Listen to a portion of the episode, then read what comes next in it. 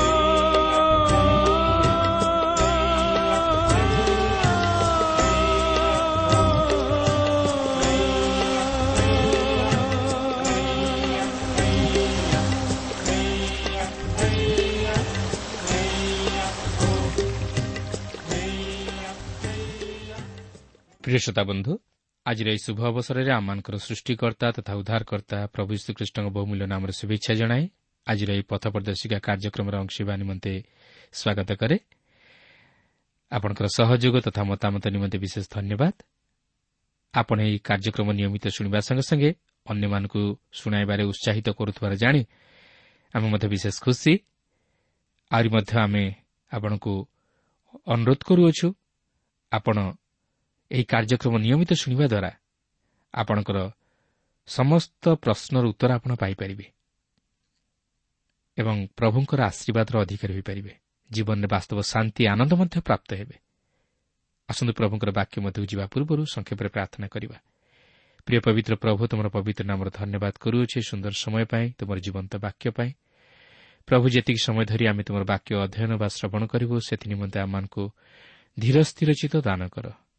ଏକ ସରଳ ବିଶ୍ୱାସର ହୃଦୟ ଦିଅ। ପ୍ରଭୁ ଯେତେ ଶ୍ରୋତାବନ୍ଧୁମାନେ ଆଜି ଏହି କାର୍ଯ୍ୟକ୍ରମ ଶୁଣିବା ନିମନ୍ତେ ରେଡିଓ ପାଖରେ ଅପେକ୍ଷା କରି ବସିଅଛନ୍ତି ପ୍ରତ୍ୟେକଙ୍କ ହୃଦୟକୁ ପ୍ରଭୁ ତୁମେ ସ୍ପର୍ଶ କର। ପ୍ରତ୍ୟେକ ଜୀବନ ତୁମେ କଥା କୁହ। ପ୍ରତ୍ୟେକ ଜୀବନରୁ ତୁମେ ସମସ୍ତ ଦୁଃଖ ଚିନ୍ତା ତୁମେ ଦୂର କରି ପ୍ରତ୍ୟେକଙ୍କୁ ସେହି ଭରସା ସେହି ଶକ୍ତି ସେହି ବିଶ୍ୱାସ ତୁମେ ଦାନ କର। ପ୍ରତ୍ୟେକଙ୍କୁ ପ୍ରଭୁ ତୁମେ ଆଶୀର୍ବାଦ କର। ଏହି ସମସ୍ତ ପ୍ରାର୍ଥନା ପ୍ରିୟ ପ୍ରଭୁ ଯୀଶୁଙ୍କ ନାମରେ ମାଗୁଅଛୁ।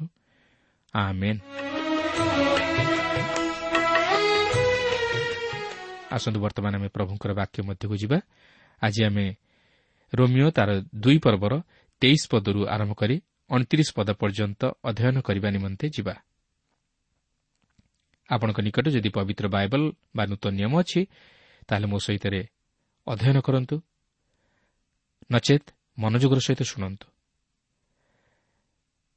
ତାହେଲେ ଆପଣ ପବିତ୍ର ବାଇବଲ ମଧ୍ୟରୁ ଅନେକ ନିଗୁଢ଼ ବିଷୟମାନ ଶିକ୍ଷା କରିବାକୁ ପାରିବେ। ତେବେ ଏଠାରେ ମୁଁ ଆପଣଙ୍କୁ ସ୍ମରଣ କରାଇଦିଏ ଯେ ଗତ ପାଠରେ ଆମେ ଦେଖିଥିଲୁ ଯେ ପାଉଲ ରୋମିଓ ମଣ୍ଡଳୀକୁ ତାହାଙ୍କ ପତ୍ରରେ ବ୍ୟବସ୍ଥା ଅନୁଯାୟୀ ଈଶ୍ୱରଙ୍କ ବିଚାର ବିଷୟରେ ଉଲ୍ଲେଖ କରିଥିଲେ। କାରଣ ଯେଉଁମାନେ ବ୍ୟବସ୍ଥା ଉପରେ ନିର୍ଭର କରନ୍ତି ସେମାନେ ଯେ ବ୍ୟବସ୍ଥା ଅନୁଯାୟୀ ବିଚାରିତ ହେବେ ଏହା ପ୍ରେରିତ ପାଉଲ ଜଣାଇ ଦିଅନ୍ତି। କିନ୍ତୁ ଏହି ବ୍ୟବସ୍ଥା ଅନୁଯାୟୀ ଧର୍ମକର୍ମ କରି ଈଶ୍ୱରଙ୍କର ଗ୍ରାହ୍ୟ ଧାର୍ମିକତା ସାଧନ କରିବା ଯେ କେଡ଼େ କଷ୍ଟକର ଓ ଦୁଃସାଧ୍ୟ ବିଷୟ ତାହା ସେ ପ୍ରକାଶ କରନ୍ତି। ସେ କହିବାକୁ ଚାହାନ୍ତି ଯେ ଜଣେ ମନୁଷ୍ୟ ବ୍ୟବସ୍ଥା ପାଳନ କରି କେବେ ହେଲେ ଉଦ୍ଧାର ପାଇପାରିବ ନାହିଁ। ମାତ୍ର ସେ ବ୍ୟବସ୍ଥା ଅନୁଯାୟୀ ବିଚାରିତ ହୁଏ। ପ୍ରକୃତରେ ବ୍ୟବସ୍ଥା ନଥିଲେ ପାପର ଜ୍ଞାନ ଜନ୍ମନ୍ତା ନାହିଁ।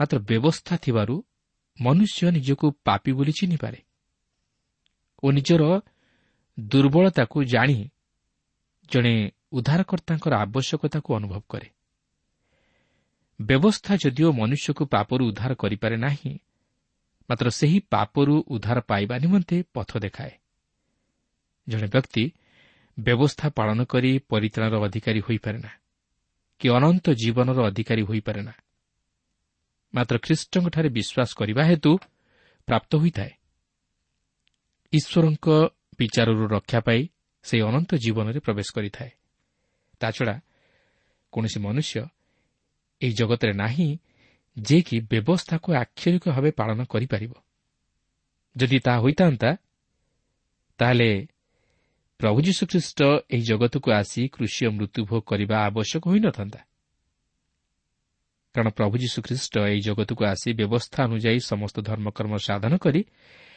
ଆମ୍ଭମାନଙ୍କ ନିମନ୍ତେ ଧାର୍ମିକତା ସାଧନ କଲେ। ଯେପରି ଆମ୍ଭେମାନେ ସେହି ପ୍ରଭୁ ଯୀଶୁଖ୍ରୀଷ୍ଟଙ୍କଠାରେ ବିଶ୍ୱାସ କରିବା ଦ୍ୱାରା ତାହାଙ୍କ ଧାର୍ମିକତା ଦ୍ୱାରା ଧାର୍ମିକ ଗଣିତ ହେଉ। ତେଣୁ ପାଉଲ ଯେତେବେଳେ ସେହି ଆତ୍ମଧାର୍ମିକ ମନୋଭାବ ବିଶିଷ୍ଟ ଲୋକମାନଙ୍କୁ ଦୃଷ୍ଟି ଆଗରେ ରଖି ସେମାନଙ୍କ ନିକଟରେ ବ୍ୟବସ୍ଥା ପାଳନ ଦ୍ୱାରା ଧାର୍ମିକ ଗଣିତ ହେବା ବିଷୟକୁ ଉପସ୍ଥାପିତ କରନ୍ତି ସେତେବେଳେ ସେ ପରୋକ୍ଷରେ ବ୍ୟବସ୍ଥା ପାଳନ କରିବାରେ ଦୁର୍ବଳତାର ବିଷୟକୁ ଉପସ୍ଥାପିତ କରନ୍ତି।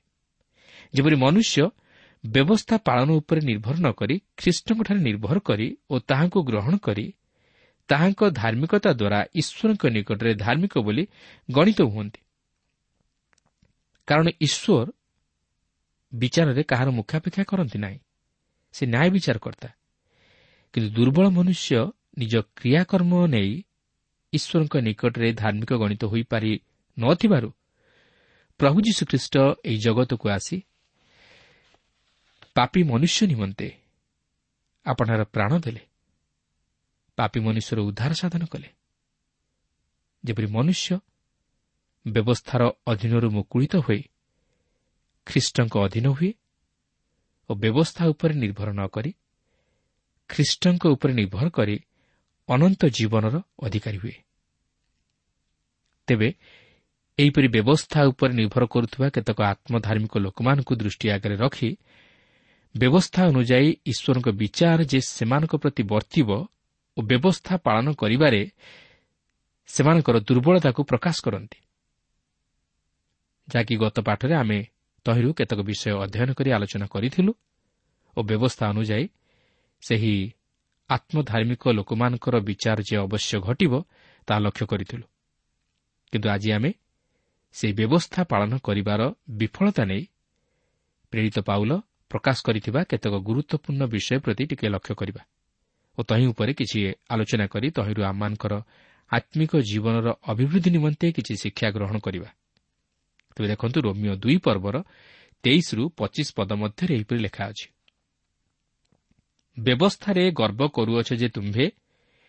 ବ୍ୟବସ୍ଥା ଲଙ୍ଘନ ଦ୍ୱାରା ତୁମ୍ଭେ କି ଈଶ୍ୱରଙ୍କୁ ଅନାଦର କରୁନାହ କାରଣ ଯେପରି ଲେଖା ଅଛି ତୁମମାନଙ୍କ ହେତୁ ବିଜାତିମାନଙ୍କ ମଧ୍ୟରେ ଈଶ୍ୱରଙ୍କ ନାମ ନିନ୍ଦିତ ହେଉଅଛି। ଯଦି ତୁମେ ବ୍ୟବସ୍ଥା ପାଳନ କର ତେବେ ପ୍ରକୃତରେ ସୁନ୍ନତ ଲାଭଜନକ। କିନ୍ତୁ ଯଦି ବ୍ୟବସ୍ଥା ଲଙ୍ଘନ କର ତେବେ ତୁମ୍ଭର ସୁନ୍ନତ ଅସୁନ୍ନତରେ ପରିଣତ ହୁଏ। ପାଉଲ ଏଠାରେ ଏହିପରି ପ୍ରକାଶ କରିବାର କାରଣ ହେଉଛି ସେ ଜଣାଇ ଦେବାକୁ ଚାହାନ୍ତି ବ୍ୟବସ୍ଥା ଲଙ୍ଘନ କରିବାର ଫଳାଫଳ ଅତି ଭୟଙ୍କର। ବ୍ୟବସ୍ଥା ଲଙ୍ଘନ କରିବାର ଅର୍ଥ ଈଶ୍ୱରଙ୍କୁ ଅନାଦର କରିବା ବା ଅବଜ୍ଞା କରିବା। କେବଳ ସେତିକି ନୁହେଁ ବିଜାତିମାନଙ୍କ ମଧ୍ୟରେ ମଧ୍ୟ ଈଶ୍ୱରଙ୍କ ନାମ ନିନ୍ଦିତ ହୁଏ। ତେବେ ଏଠାରେ ପ୍ରେରିତ ପାଉଲ ବ୍ୟବସ୍ଥା ପାଳନର ସଫଳତାକୁ ନେଇ ସୁନ୍ନତ ବିଧିକୁ ଆଣି ଉପସ୍ଥାପିତ କରନ୍ତି। କାରଣ ଏହି ସୁନ୍ନତ ବିଧିର ମୂଲ୍ୟବୋଧ ବ୍ୟବସ୍ଥା ପାଳନ କରିବା ଉପରେ ନିର୍ଭର କରେ। ଯଦି ଜଣେ ବ୍ୟବସ୍ଥା ପାଳନ କରେ ତାହେଲେ ତାହା ପକ୍ଷରେ ସୁନ୍ନତ ବିଧି ପାଳନ କରିବା ଲାଭଜନକ। ମାତ୍ର ଯଦି ଜଣେ ଲୋକ ବ୍ୟବସ୍ଥା ପାଳନ ନ କରେ ତାହେଲେ ତାହା ପକ୍ଷରେ ସୁନ୍ନତ ଅସୁନ୍ନତରେ ପରିଣତ ହୁଏ। ତେବେ ଏଠାରେ ପ୍ରେରିତ ପାଉଲ ବ୍ୟବସ୍ଥା ପାଳନ କରିବା ନେଇ କାହିଁକି ସୁନ୍ନତ ବିଧିକୁ ଆଣି ଉପସ୍ଥାପିତ କରନ୍ତି? ବ୍ୟବସ୍ଥା ପାଳନର ବାସ୍ତବ ଅଭିମତକୁ ପ୍ରକାଶ କରିବା ପାଇଁ। କାରଣ ସୁନ୍ନତ ବିଧି ମୂଷାଙ୍କ ବ୍ୟବସ୍ଥାର ଏକ ଚିହ୍ନ ସ୍ୱରୂପ। ଏହି ଚିହ୍ନର କୌଣସି ମୂଲ୍ୟ ନାହିଁ। ଏହା କେବଳ ଏକ ପରିଚୟକରଣ।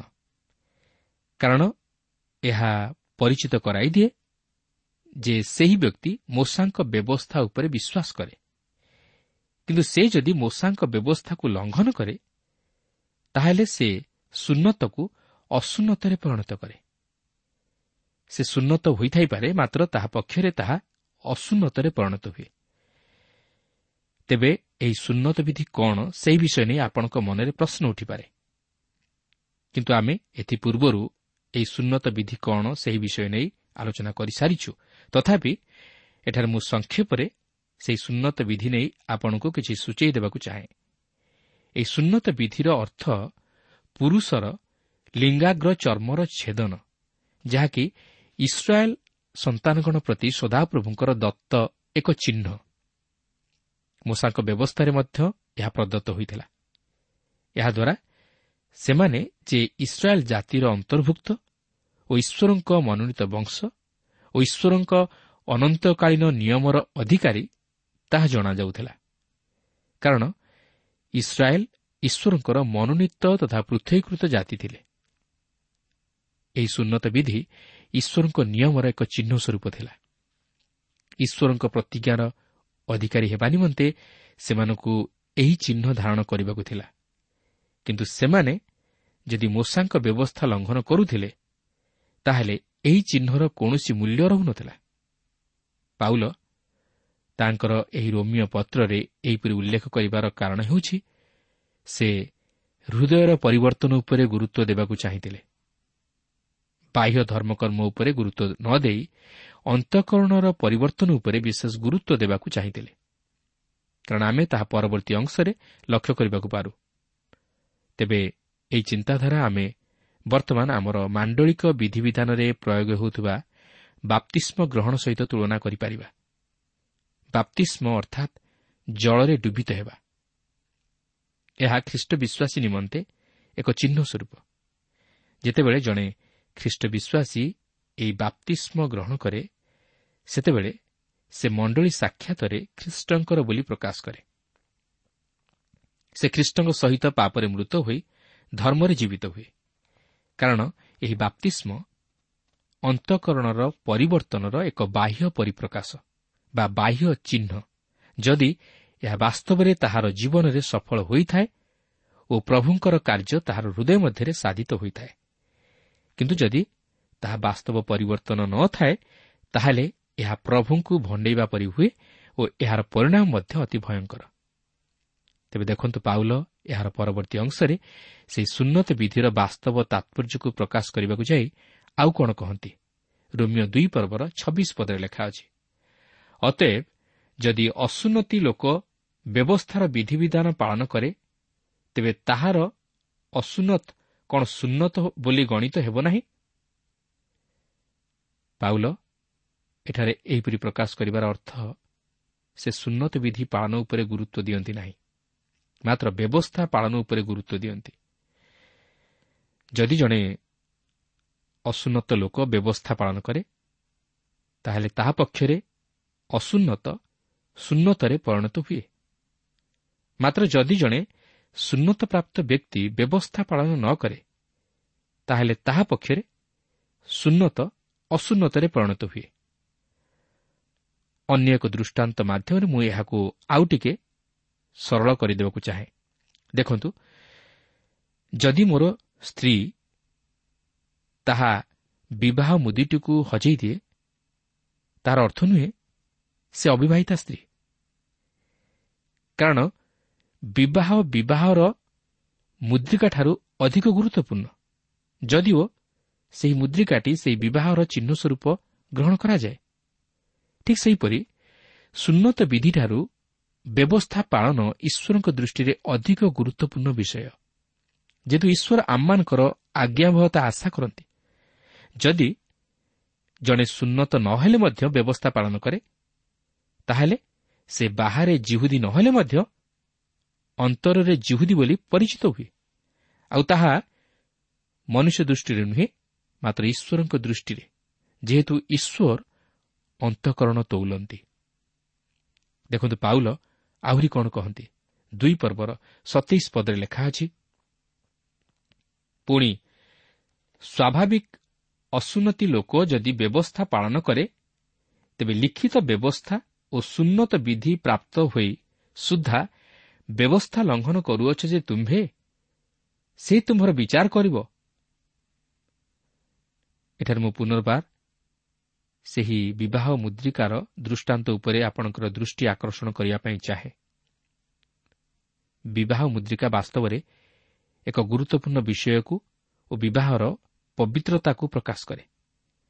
ମାତ୍ର ଯେଉଁ ସତ୍ୟତା ଓ ପବିତ୍ରତା ଉପରେ ଏହି ବିବାହ ମୁଦ୍ରିକା ପରିଧାନ କରାଯାଏ ତହିଁରେ ଯଦି ଅବିଶ୍ୱସ୍ତତା ଦେଖାଯାଏ ତାହେଲେ ଅତି ନିନ୍ଦାର ବିଷୟ ହୁଏ ଠିକ୍ ସେହିପରି ଯଦି ଜଣେ ଜିହୁଦୀ ସୁନ୍ନତ ହୋଇ ବ୍ୟବସ୍ଥା ପାଳନ ନ କରେ ବା ବ୍ୟବସ୍ଥା ଅନୁଯାୟୀ ଜୀବନଯାପନ ନ କରେ ତାହେଲେ ତାହାଠାରୁ ବଳି ନିନ୍ଦାର ବିଷୟ ଆଉ କିଛି ନାହିଁ ଏପରିକି ଯଦି ଆମେ ବର୍ତ୍ତମାନର ଖ୍ରୀଷ୍ଟ ବିଶ୍ୱାସୀମାନଙ୍କ ପ୍ରତି ଲକ୍ଷ୍ୟ କରିବା ତାହେଲେ ସେମାନେ ଯେଉଁ ବାପ୍ତିଷ୍ମ ଗ୍ରହଣ କରି ମଣ୍ଡଳୀ ସାକ୍ଷାତରେ ଖ୍ରୀଷ୍ଟଙ୍କୁ ପ୍ରକାଶ୍ୟରେ ସ୍ୱୀକାର କରନ୍ତି ଯଦି ତାହା ବାସ୍ତବରେ ପରିତାଣର ଅନୁଭୂତି ନ ଥାଏ ଓ ସେମାନେ ସମ୍ପୂର୍ଣ୍ଣ ଖ୍ରୀଷ୍ଟଙ୍କର ହୋଇନଥାନ୍ତି ତାହେଲେ ତାହାଠାରୁ ଭଳି ନିନ୍ଦାର ବିଷୟ ବା ଭୟଙ୍କର ବିଷୟ ଆଉ କିଛି ନାହିଁ।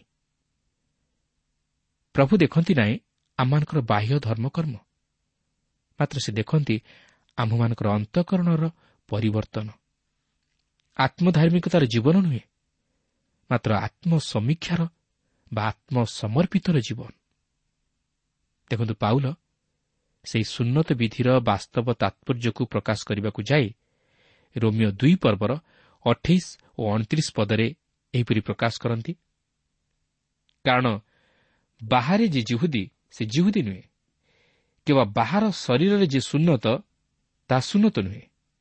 କିନ୍ତୁ ଅନ୍ତରରେ ଯେ ଜିହୁଦୀ ସେ ଜିହୁଦୀ ପୁଣି ଆକ୍ଷରିକ ଭାବରେ ନୁହେଁ ମାତ୍ର ଆତ୍ମିକ ଭାବରେ ହୃଦୟର ଯେ ଶୂନ୍ୟତ ତାହା ପ୍ରକୃତ ଶୂନ୍ୟତ ଏପରି ଲୋକ ମନୁଷ୍ୟମାନଙ୍କଠାରୁ ପ୍ରଶଂସା ପ୍ରାପ୍ତ ହୁଏ ନାହିଁ କିନ୍ତୁ ଈଶ୍ୱରଙ୍କଠାରୁ ପ୍ରାପ୍ତ ହୁଏ।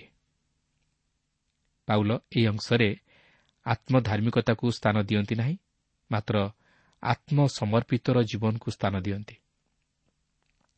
କାରଣ ମୂଷାଙ୍କ ବ୍ୟବସ୍ଥାରେ ମଧ୍ୟ ଅନ୍ତଃକରଣର ଶୂନ୍ୟତ ଉପରେ ଗୁରୁତ୍ୱ ପ୍ରଦାନ କରାଯାଇଅଛି। ଯାହାକି ଦ୍ୱିତୀୟ ବିବରଣ ଦଶ ପର୍ବର ଷୋହଳ ପଦରେ ଲେଖା ଅଛି ଏ ନିମନ୍ତେ ତୁମ୍ଭେମାନେ ଆପଣା ଆପଣା ହୃଦୟର ଅଗ୍ରଚର୍ମ ଶୂନ୍ୟତ କର ଆଉ ଶକ୍ତଗ୍ରୀବ ହୁଅ ନାହିଁ। ପ୍ରକୃତରେ ପାଉଲ ଏଠାରେ କହିବାକୁ ଚାହାନ୍ତି ଅନ୍ତଃକରଣର ଶୂନ୍ୟତ ହିଁ ପ୍ରକୃତ ଶୂନ୍ୟତ ଈଶ୍ୱର ତାହା ହିଁ ଆମ ପ୍ରତ୍ୟେକଙ୍କ ଜୀବନରୁ ଆଶା କରନ୍ତି। ଈଶ୍ୱର ବ୍ୟବସ୍ଥା ପ୍ରଦାନ କରିଥିଲେ ଅନ୍ତଃକରଣର ପରିବର୍ତ୍ତନ ନିମନ୍ତେ କିନ୍ତୁ ବାହିକ ଧର୍ମକର୍ମ ନିମନ୍ତେ ନୁହେଁ। କିନ୍ତୁ ଏହି ବାହିକ ବିଧିବିଧାନ ମଧ୍ୟ ଦେଇ ଈଶ୍ୱରଙ୍କର ମହତ ଅଭିପ୍ରାୟକୁ ବୁଝିବା ନିମନ୍ତେ ଓ ତାହାକୁ ସାଧନ କରିବା ନିମନ୍ତେ। କାରଣ ବାହିକ ଧର୍ମକର୍ମ ସାଧନ କରିବା ଅତି ସହଜ। କିନ୍ତୁ ଅନ୍ତଃକରଣର ପରିବର୍ତ୍ତନ ଅତି କଷ୍ଟକର। ତେଣୁକରି ଅନ୍ତରରେ ଯେ ଜିହୁଦୀ ସେ ପ୍ରକୃତ ଜିହୁଦୀ। ଓ ଅନ୍ତରରେ ଯେ ଶୂନ୍ୟତ ସେ ପ୍ରକୃତ ଶୂନ୍ୟତ ପ୍ରଭୁ ଚାହାନ୍ତି ଆମମାନଙ୍କ ଅନ୍ତଃକରଣର ପରିବର୍ତ୍ତନ। ପାଉଲ ଏଠାରେ ସ୍ପଷ୍ଟ ପ୍ରକାଶ କରିଦିଅନ୍ତି ଯେ ଆମେ ବ୍ୟବସ୍ଥା ଅନୁଯାୟୀ ବାହ୍ୟ ଧର୍ମକର୍ମ ସାଧନ କରୁ ବା ନ କରୁ। ମାତ୍ର ଆମମାନଙ୍କ ହୃଦୟର ବାସ୍ତବ ପରିବର୍ତ୍ତନ ଆବଶ୍ୟକ। ଈଶ୍ୱର ଆମମାନଙ୍କର ବାହ୍ୟ ଧର୍ମକର୍ମ ଦେଖନ୍ତି ନାହିଁ ମାତ୍ର ଅନ୍ତଃକରଣର ପରିବର୍ତ୍ତନ ଦେଖନ୍ତି ହୃଦୟର ଶୂନ୍ୟତ ଦେଖନ୍ତି। କିନ୍ତୁ ସେହି ବ୍ୟବସ୍ଥାର ବିଧିବିଧାନ ଅନୁଯାୟୀ ମନୁଷ୍ୟ ଈଶ୍ୱରଙ୍କର ଗ୍ରାହ୍ୟ ଧାର୍ମିକତା ସାଧନ କରି ନ ପାରିବାରୁ ଈଶ୍ୱର ମନୁଷ୍ୟ ନିମନ୍ତେ ଏକ ଉଦ୍ଧାରର ଯୋଜନା ପ୍ରସ୍ତୁତ କଲେ। ଯେପରି ସେହି ବ୍ୟବସ୍ଥା ଅନୁଯାୟୀ ମନୁଷ୍ୟ ନିଜର ଦୋଷ ଦୁର୍ବଳତା ଜାଣି ଜଣେ ଉଦ୍ଧାରକର୍ତ୍ତାଙ୍କର ଆବଶ୍ୟକତାକୁ ଉପଲବ୍ଧି କରିପାରେ। ଆଉ ସେହି ଉଦ୍ଧାରକର୍ତ୍ତା ହେଉଛନ୍ତି ପ୍ରଭୁ ଯୀଶୁଖ୍ରୀଷ୍ଟ ଯିଏକି ବ୍ୟବସ୍ଥା ଅନୁଯାୟୀ ସମସ୍ତ ଧର୍ମକର୍ମ ସାଧନ କରି ଆମମାନଙ୍କ ନିମନ୍ତେ ଧାର୍ମିକତା ସ୍ୱରୂପ ହେଲେ ଯାହାଙ୍କଠାରେ ବିଶ୍ୱାସ କରି ଉଦ୍ଧାରକର୍ତ୍ତା ରୂପେ ଗ୍ରହଣ କରିବା ଦ୍ୱାରା ମନୁଷ୍ୟ ପାପରୁ ଉଦ୍ଧାର ପାଇ ସେହି ଅନନ୍ତ ଜୀବନର ଅଧିକାରୀ ହୁଏ। ଓ ଈଶ୍ୱରଙ୍କ ବାକ୍ୟ ଦ୍ୱାରା ଖ୍ରୀଷ୍ଟୀୟ ଶୂନ୍ୟତରେ ଶୂନ୍ୟତ ହୁଏ। ବାସ୍ତବରେ ବ୍ୟବସ୍ଥା ଉଦ୍ଧାର ସାଧନ କରିପାରେ ନାହିଁ ମାତ୍ର ଏହା ଉଦ୍ଧାରର ପଥରେ କଢ଼ାଇ ନିଏ। ମାତ୍ର ସେହି ଖ୍ରୀଷ୍ଟଙ୍କଠାରେ ବିଶ୍ୱାସ କରିବା ଦ୍ୱାରା ପାପି ପାପରୁ ଉଦ୍ଧାର ପାଇଥାଏ ଓ ଈଶ୍ୱରଙ୍କ ସନ୍ତାନତ୍ୱର ଅଧିକାର ପ୍ରାପ୍ତ ହୋଇଥାଏ। ସେହି ବ୍ୟବସ୍ଥା ଖ୍ରୀଷ୍ଟଙ୍କର ପ୍ରତୀକ ସ୍ୱରୂପ। ଈଶ୍ୱର ସେହି ବ୍ୟବସ୍ଥା ମଧ୍ୟ ଦେଇ ଖ୍ରୀଷ୍ଟଙ୍କୁ ଦେଖନ୍ତି ଓ ସେହି ଖ୍ରୀଷ୍ଟଙ୍କଠାରେ ଆମ୍ଭେମାନେ ବିଶ୍ୱାସ କରିବା ଦ୍ୱାରା ସେ ସେହି ଖ୍ରୀଷ୍ଟଙ୍କ ମଧ୍ୟ ଦେଇ ଆମମାନଙ୍କୁ ଧାର୍ମିକ କରି ଗଣନା କରନ୍ତି। କିନ୍ତୁ ଏହାର ଅର୍ଥ ନୁହେଁ ଆମମାନେ ବ୍ୟବସ୍ଥା ବିହୀନ ଜୀବନଯାପନ କରିବା। କାରଣ ଯଦିଓ ଆମମାନେ ବ୍ୟବସ୍ଥାର ଅଧୀନରେ ନାହୁଁ ମାତ୍ର ଖ୍ରୀଷ୍ଟଙ୍କ ଅଧୀନରେ ଅଛୁ ଓ ଖ୍ରୀଷ୍ଟଙ୍କର ବ୍ୟବସ୍ଥାକୁ ଆମମାନଙ୍କୁ ପାଳନ କରିବାକୁ ହେବ ଆଉ ଖ୍ରୀଷ୍ଟଙ୍କର ବ୍ୟବସ୍ଥା ପୁରାତନ ନିୟମର ବ୍ୟବସ୍ଥାଠାରୁ ଅଧିକ କଷ୍ଟକର। କାରଣ ପୁରାତନ ନିୟମରେ କୁହାଯାଇଥିଲା ବେବିଚାର କର ନାହିଁ। ମାତ୍ର ପ୍ରଭୁ ଯୀଶୁ କହନ୍ତି ଯେ କେହି କୌଣସି ସ୍ତ୍ରୀ ପ୍ରତି କାମ ଭାବରେ ଦୃଷ୍ଟିପାତ କରେ ସେ ମନେ ମନେ ତା ସହିତ ବେବିଚାର କରେ। ତାର ଚିନ୍ତା କରନ୍ତୁ କେଉଁଠି କଷ୍ଟକର ଓ କେଉଁଠି ସହଜ। ତେଣୁ ବର୍ତ୍ତମାନ ଆମକୁ ଅଧିକ ସତର୍କତାର ସହିତ ଜୀବନଯାପନ କରିବାକୁ ହେବ ଓ ଖ୍ରୀଷ୍ଟଙ୍କର ଆଜ୍ଞାବହ ହୋଇ ଜୀବନଯାପନ କରିବାକୁ ହେବ। କାରଣ ପାପରୁ ଉଦ୍ଧାର ପାଇବା ପରେ ଆମମାନଙ୍କୁ ସେହି ଧାର୍ମିକତାର ପଥରେ ଅଗ୍ରସର ହେବାକୁ ହେବ। ଆମମାନଙ୍କୁ ଅଧିକ ସତର୍କତାର ସହିତ ଜୀବନଯାପନ କରିବାକୁ ହେବ। ସେହି ଖ୍ରୀଷ୍ଟଙ୍କ ସହିତ ଜୀବନଯାପନ କରିବାକୁ ହେବ। ତାହେଲେ ଆମେ ଖ୍ରୀଷ୍ଟଙ୍କ ନିମନ୍ତେ ଫଳ ଫଳିପାରିବା ଓ ସେହି ପୁରସ୍କାରର ଅଧିକାରୀ ହୋଇପାରିବା। ହଁ ଆମେ ଯଦିଓ ବ୍ୟବସ୍ଥାର ଅଧୀନରେ ନାହୁଁ ମାତ୍ର ଖ୍ରୀଷ୍ଟଙ୍କ ଅଧୀନରେ ଅଛୁ ତେଣୁ ଖ୍ରୀଷ୍ଟଙ୍କର ପଦାଙ୍କ ଅନୁସରଣ କରି ତାହାଙ୍କର ଆଜ୍ଞା ମାନିବାକୁ ହେବ ଓ ଆନ୍ତରିକ ଜୀବନରେ ଖ୍ରୀଷ୍ଟୀୟ ଶୂନ୍ୟତରେ ଶୂନ୍ୟତ ହେବାକୁ ହେବ। ସେଥିପାଇଁ ଦ୍ୱିତୀୟ କରନ୍ଥୀୟ ପାଞ୍ଚ ପର୍ବର ସତର ପଦରେ ଲେଖା ଅଛି ଅତଏବ ଯେ କେହି ଖ୍ରୀଷ୍ଟଙ୍କଠାରେ ଅଛି ସେ ନୂତନ ସୃଷ୍ଟି ହୋଇଅଛି। ପୁରାତନ ବିଷୟ ସବୁ ଲୋପ ପାଇଅଛି। ଦେଖ ନୂତନ ବିଷୟ ସବୁ ହୋଇଅଛି। ତେଣୁ ଆସୁ ସେ ଖ୍ରୀଷ୍ଟଙ୍କଠାରେ ବିଶ୍ୱାସ କରି ତାହାଙ୍କୁ ହୃଦୟରେ ଗ୍ରହଣ କରି ତାହାଙ୍କର ହୋଇ ଜୀବନଯାପନ କରୁ ତାହେଲେ ଆମେ ଈଶ୍ୱରଙ୍କ ନ୍ୟାୟ ବିଚାରରୁ ରକ୍ଷା ପାଇ ଅନନ୍ତ ଜୀବନର ଅଧିକାରୀ ହେବା।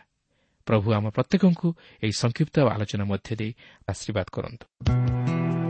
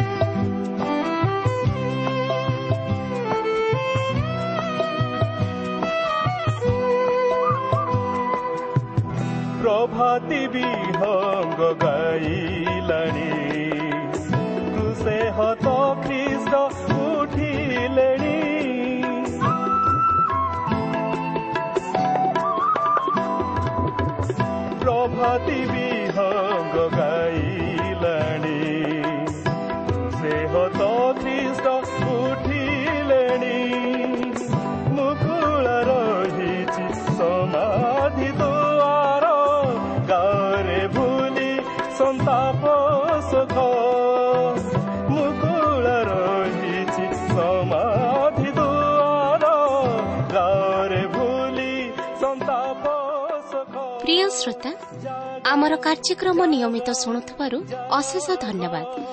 ଆପଣ ଏହି କାର୍ଯ୍ୟକ୍ରମ ଶୁଣିବା ଦ୍ୱାରା ଆତ୍ମିକ ଜୀବନରେ ଉପକୃତ ହୋଇପାରିଥିବେ ବୋଲି ଆମର ବିଶ୍ୱାସ। ପ୍ରଭୁ ଯୀଶୁଙ୍କ ବିଷୟରେ ଅଧିକ ଜାଣିବାର ଆଗ୍ରହ ଥିଲେ ଅଥବା ଉପାଦାୟ ପୁସ୍ତକର ଆବଶ୍ୟକ ଥିଲେ ଆମ ସହ ଯୋଗାଯୋଗ କରନ୍ତୁ। ଆମର ଠିକଣା ପଥ ପ୍ରଦର୍ଶିକା Trans World Radio India post box number ତିନି ତିନି ଭୁବନେଶ୍ୱର ସାତ ପାଞ୍ଚ ଏକ ଶୂନ ଶୂନ ଏକ। Mobile number nine seven double seven double two one four one five ঠিকଣାটি ଆଉଥରେ ଶୁଣନ୍ତୁ ପଥ ପ୍ରଦର୍ଶିକା Trans World Radio India post box number three three Bhubaneswar seven five one zero zero one mobile number nine seven double seven double two one four one five ଆମର email ଆଡ୍ରେସଟି ଲେଖି ରଖନ୍ତୁ Odia TTV at radio eight eight two dot com ତେବେ ଆଜି ପାଇଁ ବିଦାୟ ଦିଅନ୍ତୁ। ନମସ୍କାର।